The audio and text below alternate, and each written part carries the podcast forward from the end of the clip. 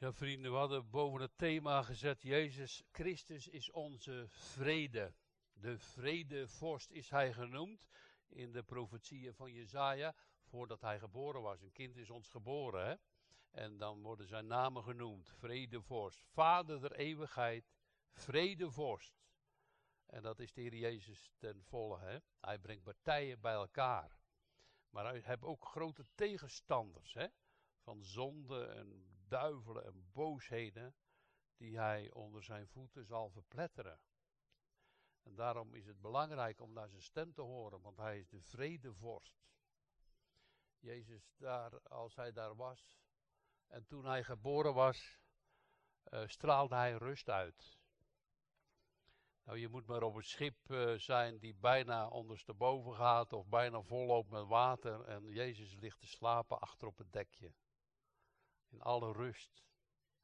Hij was rustig, waar niemand bij die wilde, bezeten man van de Gadarene, of staat ook wel eens twee, maar één, hij komt gewoon bij de graven en roept ze eruit en roept die machten eruit.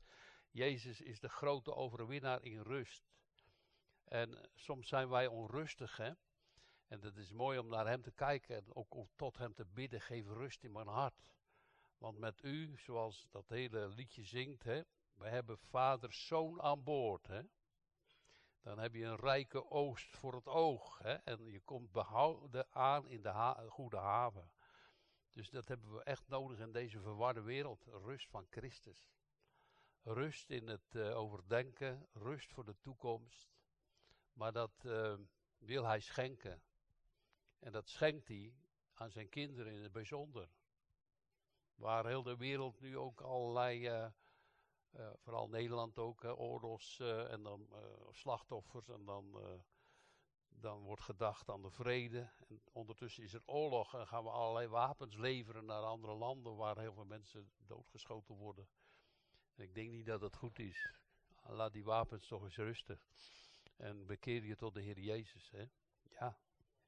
Maar hij is onze vredevorst die zo rustig ook toen hij de strijd gestreden had in de hof van Gethsemane, zo rustig naar buiten trad.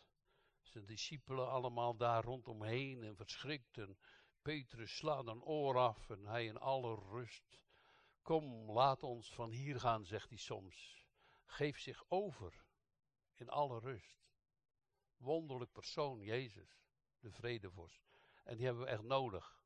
Die heb je soms nodig in de kerk voor de vrede. Die heb je soms nodig in je familie. Er kan allerlei botsingen komen. Je hebt hem nodig in de wereld. Je hebt hem nodig voor je hart. De vredevorst. En die wordt hier genoemd, wat u voorgelezen is in het gedeelte van de Efeziërs. Wat hij dus gedaan heeft, is geweldig. Maar soms heeft hij nog veel meer gedaan dan dat je zou kunnen denken. Want hij heeft partijen bij elkaar gebracht die eerst fel tegenover elkaar stonden. Dat was eerst het Joodse volk, want daar gaat het hier over, en de heidenen. Daar wordt dus door de apostel Paulus over gesproken dat het werkelijk twee polen waren die tegenover elkaar stonden. De Joden hadden de ceremoniële wetten, waren besneden. Die waren dan het uitverkoren volk en de heidenen niet. Maar omdat de Joden de Heer Jezus hebben verlaten. En Paulus ging prediken eerst altijd naar de synagoge toe had hij de vrijheid om ook de heidenen het evangelie te verkondigen. En dat, dat, dat is niet nieuw, dat was niet iets van Paulus. Maar dat had het de profeet al gezegd. Als je leest in de profetieën van Jezaja, dat er staat dat uh, hij dus Israël verzamelen zou, de knecht gods. Jezus wordt de knecht genoemd hè, van God.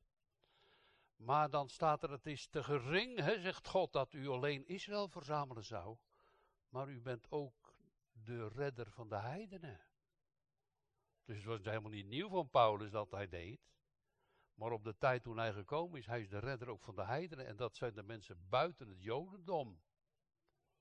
En daar gaat het hier vandaag over, die tegenstand die door hem eigenlijk weggedaan is. En dat is u voorgelezen. Wat er staat, want hij is onze vrede. Die beide, dus die twee tegenpolen van Joden en heidenen heeft hij één gemaakt. Eén familie. Eén gemaakt. En door de tussenmuur, er was dus een muur opgebouwd van ceremoniële wetten. Kijk eens wat wij allemaal moeten doen en jullie heidenen niet. Jullie vallen als het ware af, jullie horen er helemaal niet bij. Is die muur afgebroken door Jezus. De vijandschap hebt u weggenomen. Het is een beetje een lastige tekst om dat goed uit te leggen. Ik hoop dat het tot u komt. Dat u er ook wat aan hebt. En heeft de tussenmuur die scheiding maakte afgebroken. En hij heeft de vijandschap, hoe? Hoe hebt u dat gedaan? Maar ook, wat was dan die muur? Ik zei het u al, het was door wettische ceremoniële wetten. En wat deed de Heer Jezus? Die heeft al die wetten vervuld. Had geen zonde. Hij was een Jood.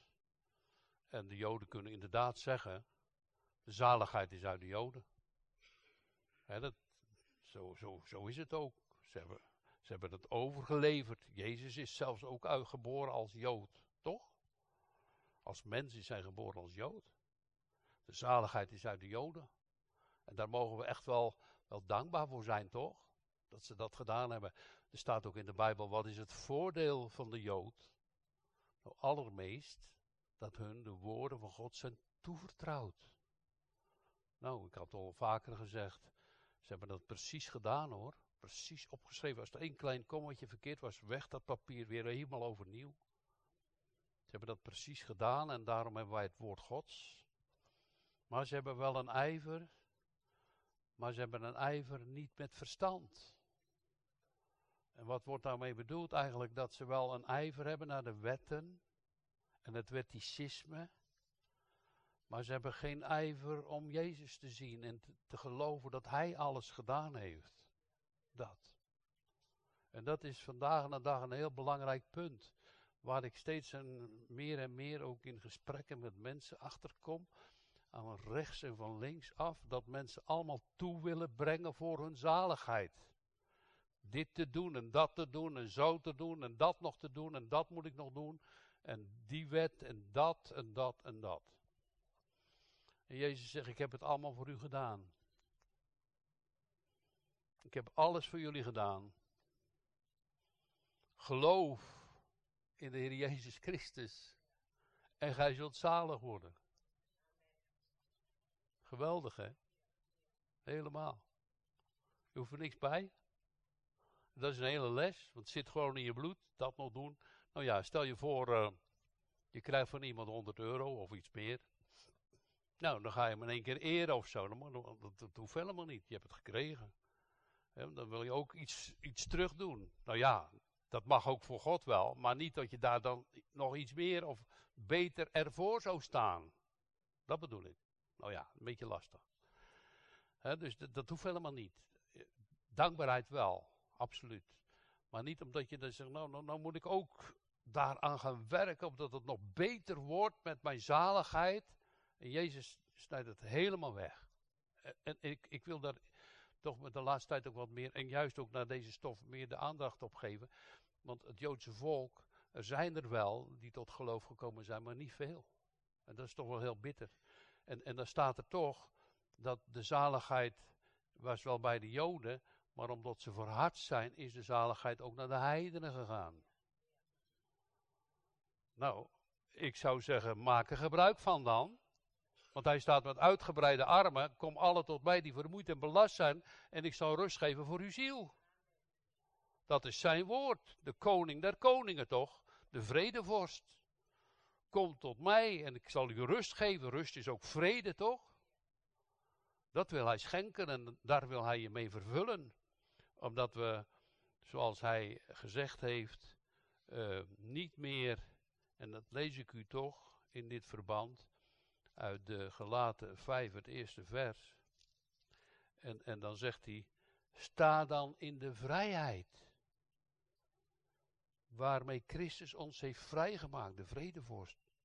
En laat u niet weer met het juk van de slavernij belasten. Nou, dat, dat, punt zit steeds bij mij in mijn gedachten, voor mezelf en voor u en voor heel veel andere mensen. En, en, en dan zeggen ze, ja, dat zeiden we op de Bijbelstudie al. Dan zeggen ze, soms op de preekstoel. De deur, Jezus is de deur. Die staan nog maar om een kiertje hoor. Die kan nog maar net hoor. Daar kan je dus heel angstig voor worden. Maar als die deur op een kier staat, is het wel onze schuld hoor. Want voor mij staat die deur wagenwijd open hoor. En hij roept de mensen nog steeds. Dus dat, ik geloof het gewoon niet, dat die deur op een kier staat. Die deur die staat wagenwijd open. Maar wij gooien die deuren dicht, maar hij niet. Er komt een tijd dat die deur bij Noach dicht ging, maar die deur was zo groot, er kon een olifant door, door naar binnen, toch? Zo breed en zo groot. Dus, dus bij God is, is hij is onveranderlijk in zijn woorden, toch? Als hij zegt, ik ben de deur, staat die deur niet op een kier, dan mag hij niet zeggen. Dat klopt helemaal niet. Dus dat soort dingen krijg ik ook een beetje naar me toe. En dan denk ik, ja, hoe zit het nou? Hoe zit het nou bij ons? En hoe zit het met u?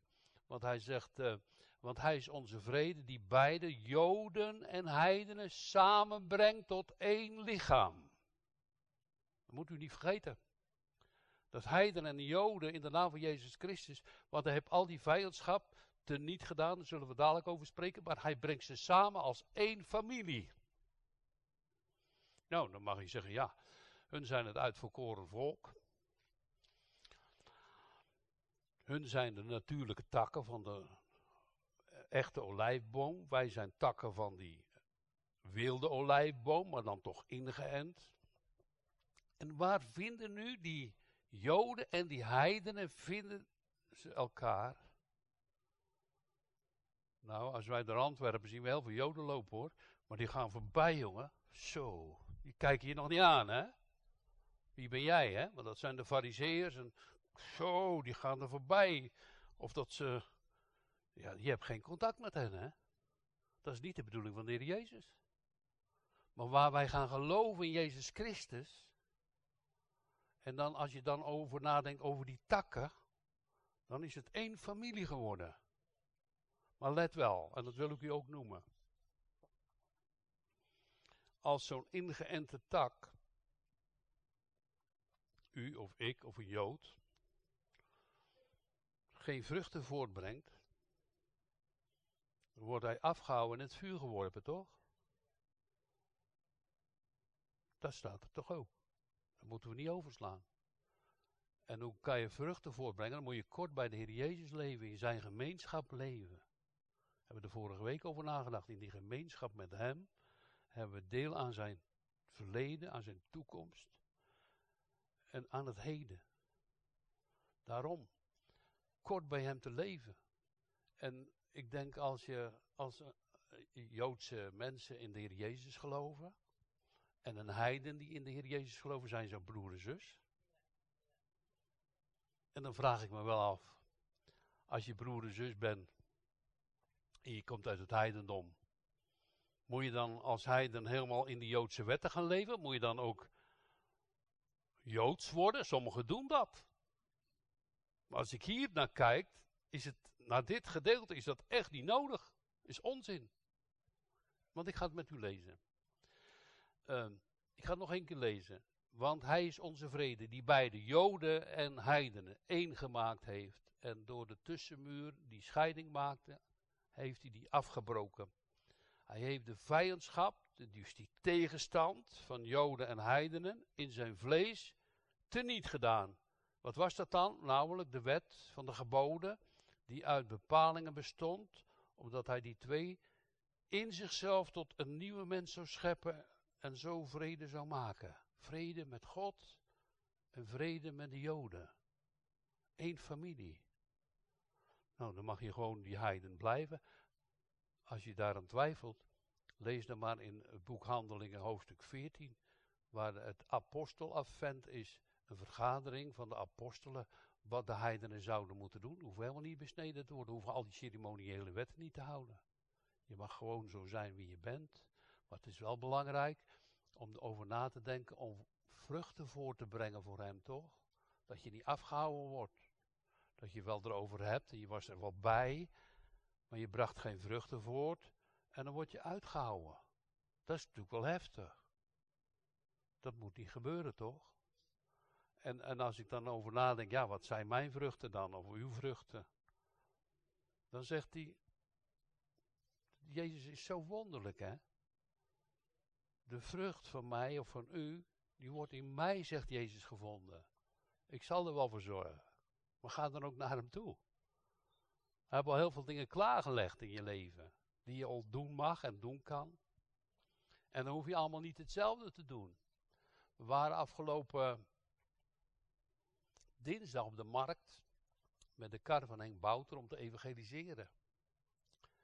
Een vriend van ons, uh, ja, Benjamin, die was ook mee uit Krimpen. Oh, die had het zo moeilijk. Die had de hele middag maar twee bijbeltjes verspreid. Zo van nou, dan gaan we bidden. Maar ik zeg, er zitten thuis van onze gemeente, kunnen ook bidden. Dus we hebben een paar mensen opgebeld. Ga bidden, want het is echt moeilijk nu op de markt. Ze hebben u gebeld en Ans gebeld en nog anderen. Nou, eh, zomaar. En dan denk je, wij staan daar op de markt. Maar ik denk dat dat bidden veel zwaarder en moeilijker kan zijn. Als dat wij daar op de markt lopen. Want de boze wil dat wel stoppen, hè, dat gebed. En je gedachten raken soms ook verward. En het volhouden van de gebeden, dat stopt ook wel, hè. Want dat hebben wij wel gezien, hè. Toen Amalek, toen, toen Amalek Israël aanviel in de rug, toen ging Mozes de berg op met zijn staf. En hij hield die staf omhoog als een gebed naar God. En Israël overwon de Amalekieten, maar hij werd zo moe. Zijn armen zakten naar beneden en de Amalekieten gaan weer winnen. En toen waren er twee ondersteuners. En die gingen onder zijn ellebogen zitten. Toen kon die ellebogen niet meer naar beneden. Aaron en Hur. En het gebed bleef omhoog. Ziet u wel dat het heel belangrijk is. Je moet nou niet snel denken dat je zo onvruchtbaar bent. Als je de Heer aanroept. Mag al zo een verhoring en een kracht zijn. Krachtig in de gebeden. Je hoeft allemaal niet hetzelfde te doen. Maar roept hem aan. Zoals wij samen zongen. Uit dat uh, psalmboekje ook zo mooi hè. Uh, de Heer, de God der legerschaar is met ons, hoedt ons in gevaar. Als je dat geloven mag je roept hem aan. De Heere God van Jacob staat is ons een toeverlaat. Kom, wil op Gods daden merken. Hè? Ja, dus zijn macht is onbeperkt. En hij roept ons op om te bidden. Om blij te worden in hem. En dat willen we dan ook doen voor het Joodse volk. Dat ze tot geloof komen. Dat één familie wordt. Dat je niet uh, denkt, nou, kijk, oh ja, je bent christen, maar ja, er moet dan toch nog heel veel meerwaarde bij, dus dan word ik maar joods. Ik denk dat het echt onzin is. Kan je soms in allerlei wettische dingen vervallen, waardoor je denkt dat je er beter op staat voor God. Maar dat sta je niet. Voor God sta je er niet beter op. Hij doorgrondt en kent ons hart. Hij weet ons zitten en ontstaan. Wat ik beraad of wil betrachten, u kent van verre mijn gedachten. Nou, dat is soms niet zo mooi. En toch weet hij dat al. En dan zegt, ja, maar ik heb voor je betaald. Dan wil je natuurlijk niet die zonde. En, en, en als je hem wil volgen, dan wil je ook die zonde achter je laten. En dat kan best een strijd zijn en een moeite. Maar het lukt soms ook helemaal niet. En de ouderling had al gebeden vanmorgen. Heer, als wij gezondigd hebben, vergeef het aan ons. Dan moeten we echt eerlijk zijn.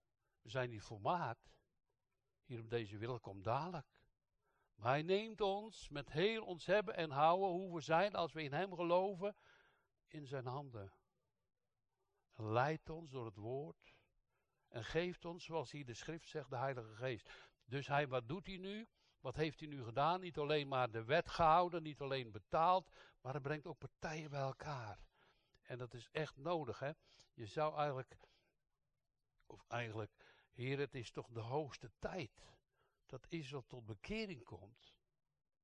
Zo lang al. Van die 144.000 van al die stammen dat ze in u gaan geloven. Het is toch nodig? O Heer, doe het toch.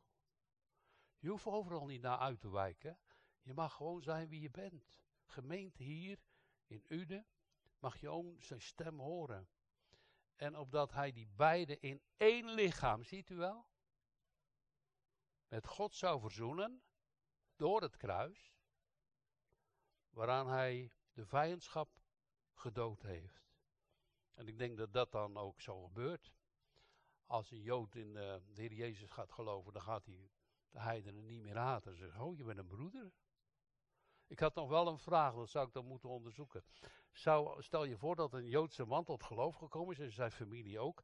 En hij krijgt kinderen, moeten die dan nog besneden worden? Moeten die die oude wetten nog houden? Of mag hij ook zo leven als wij?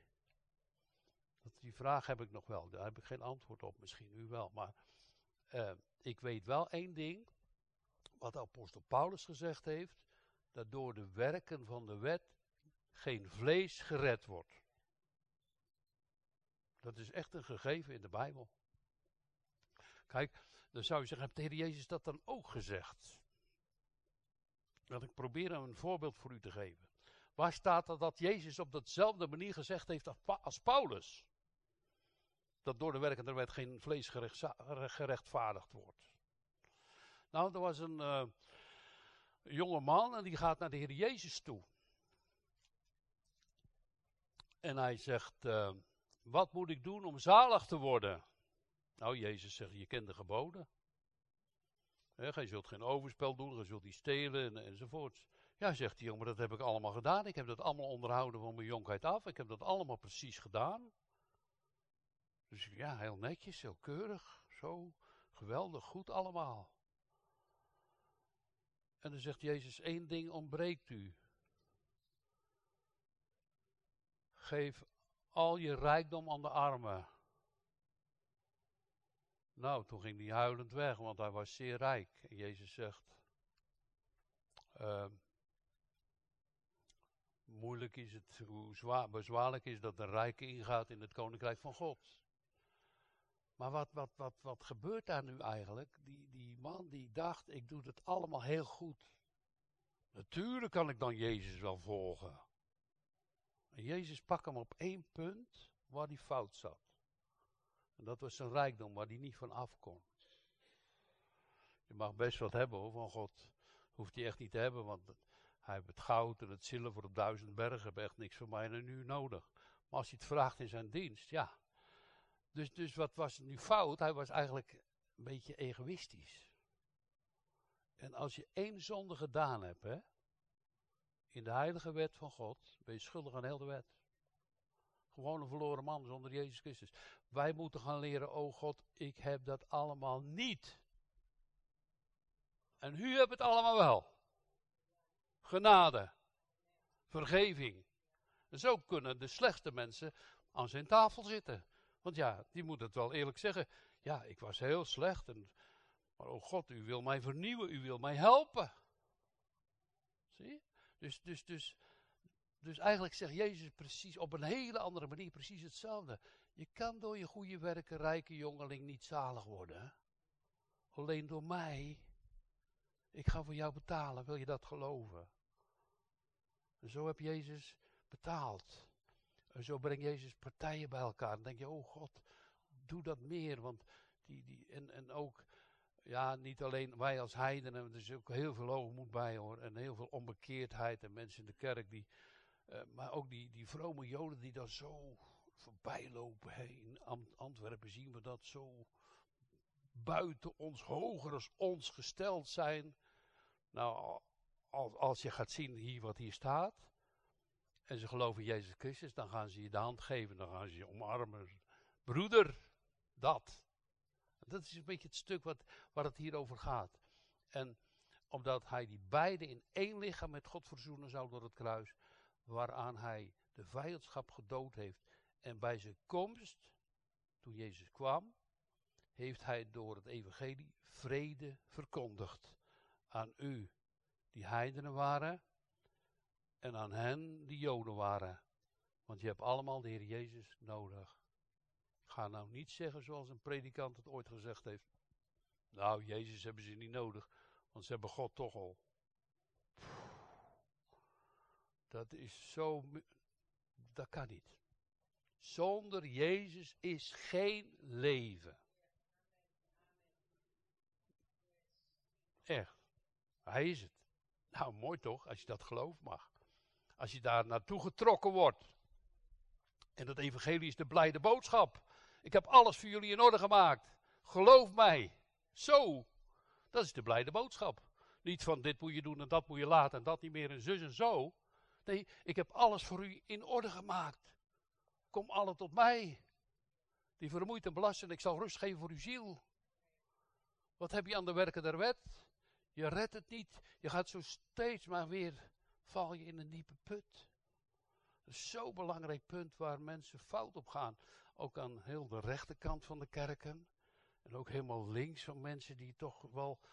Kijk, weet je wat ook werken der wet is? Als je iemand bijvoorbeeld tegenkomt, je, maakt, je komt die mensen tegen, maar je moet ook naar jezelf kijken hoor, onderzoek je hart. Maar als je mensen hier tegenkomt en die uh, zo nou, ik ga het echt hemelen hoor. Ik heb altijd boodschappen gedaan voor de buurvrouw. Ga je toch hemelen? Ik heb toch allemaal goede dingetjes gedaan? Maar zo ga je niet naar de hemel. Je gaat door dat zuiverende bloed van Jezus Christus, dat reinigt van alle zonden, krijgen wij het nieuwe leven uit Hem. Dat alleen, toch? Dat is de power. Er is kracht in het bloed, hè? zingt er niet, toch? Word je vernieuwd, hè? Word je één met Hem, gaat die vijandschap uit je hart weg.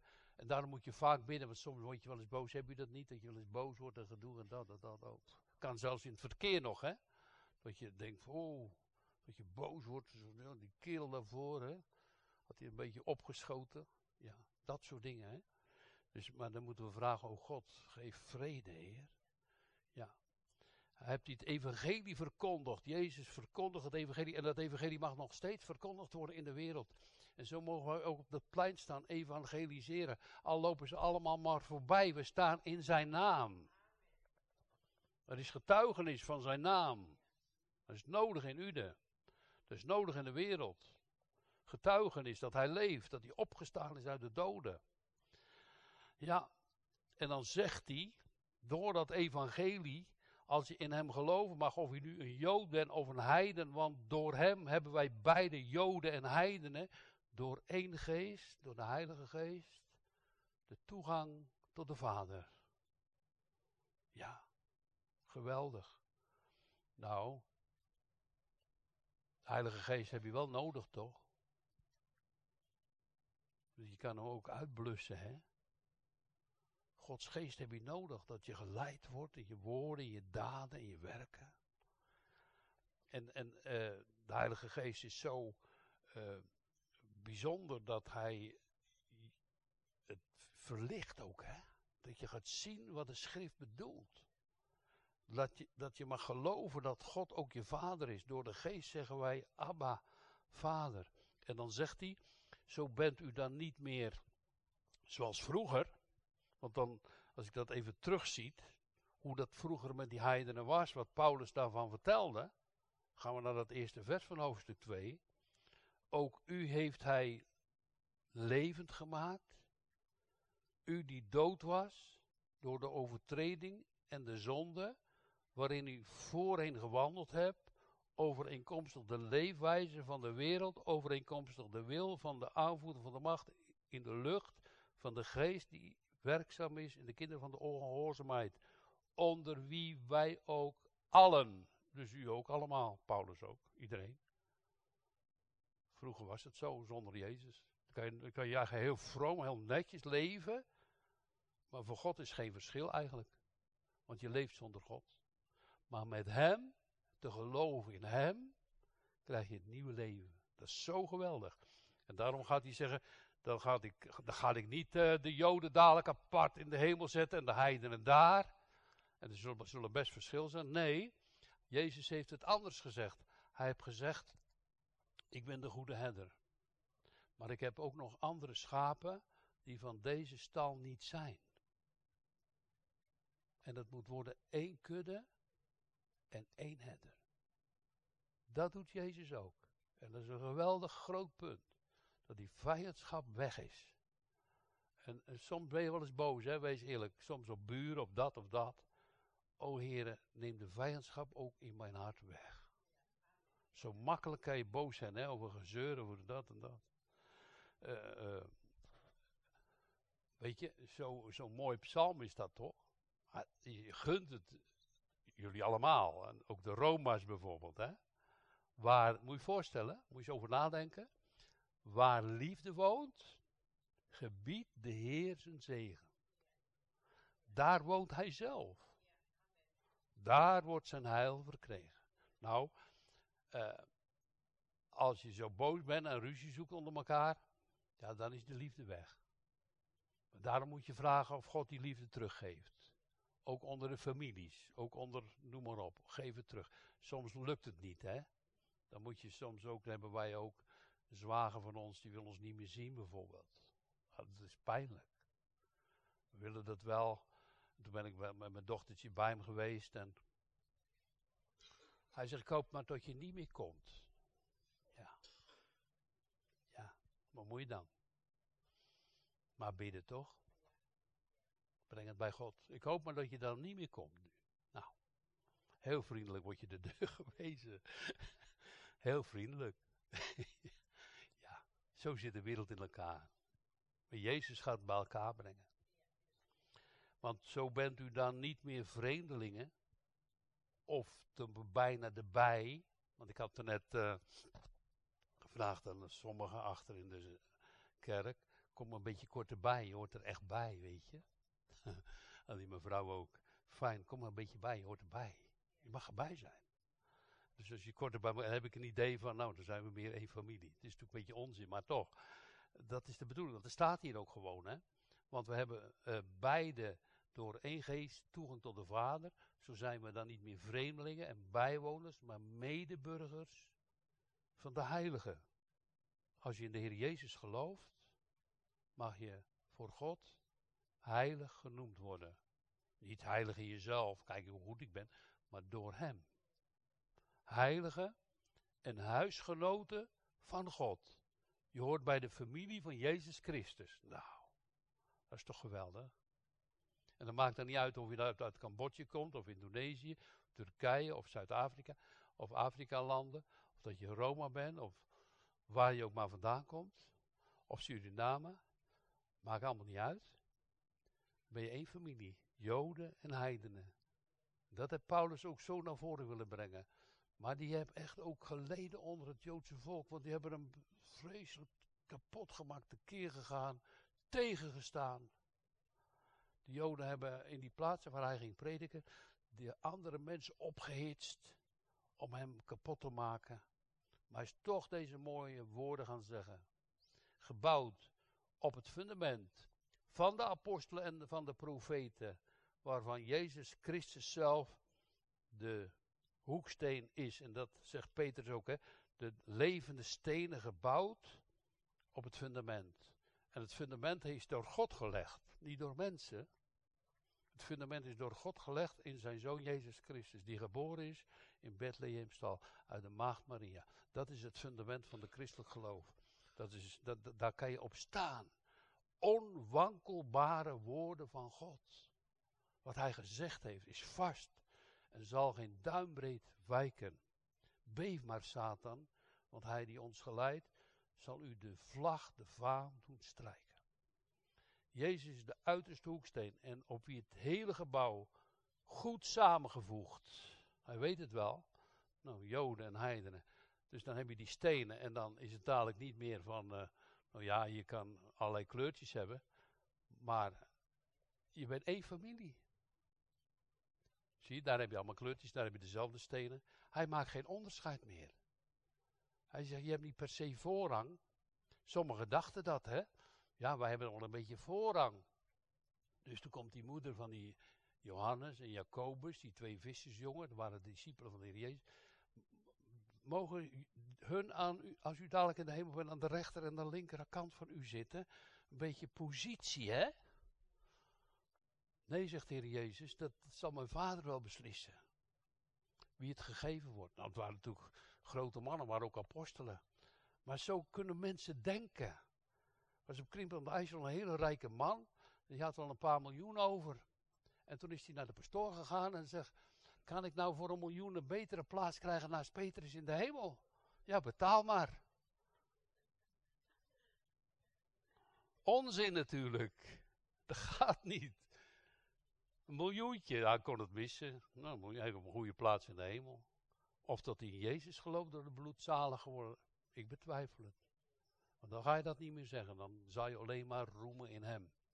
Hij is mijn vredevorst. Hè? Ja, op wie het hele gebouw samengevoegd verrijst tot een heilige tempel in de Heer. Op wie ook u medegebouwd wordt tot de woning van God in de geest. Nou, ik moet u eerlijk zeggen, als ik zo al die woorden op je afkrijg en dat lees, is het nog niet zo makkelijk om dat uit te. Ik, ik probeer het voor u ook maar. Maar de belangrijkste punten is één, hij is de vredevorst.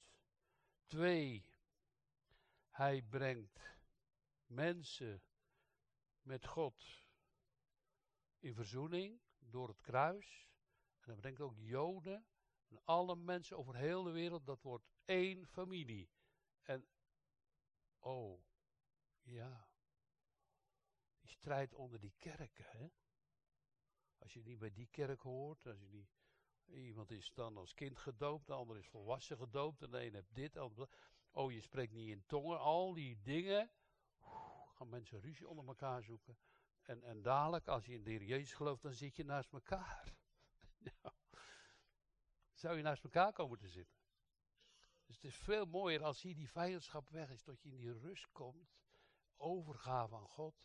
Dan ben je niet allemaal hetzelfde, maar het hoeft ook helemaal niet. Je mag er zijn zoals je bent. Of je oud bent of jonger. Je mag er zijn zoals je bent, al kom je uit Syrië, al kom je uit Irak. Maakt niet uit. Je mag komen zoals je bent. En Hij is onze God. Geloof in Hem. Vertrouw op Hem. Bid tot Hem. En dat de Heilige Geest uw hart opent. En je zien mag, Hij is mijn redder. Ja, de wet, ik zal nog één keer, ik heb een stukje opgeschreven. De wet der inzettingen werd door Christus afgeschaft. Want Jezus heeft die wet vervuld. Door deze te niet te maken, vormde hij één gemeente van gelovigen. Zo schiep hij die twee in zichzelf tot een nieuwe mens. Hij verenigde de twee delen in één gemeenschap, in één lichaam, en hij het hoofd. Hem, door hem vernieuwd door de Heilige Geest, leidde hij hen op een nieuwe weg van evangelische aanbidding en maakt zo vrede tussen de mensen die vroeger zoveel van elkaar verschilden. Amen.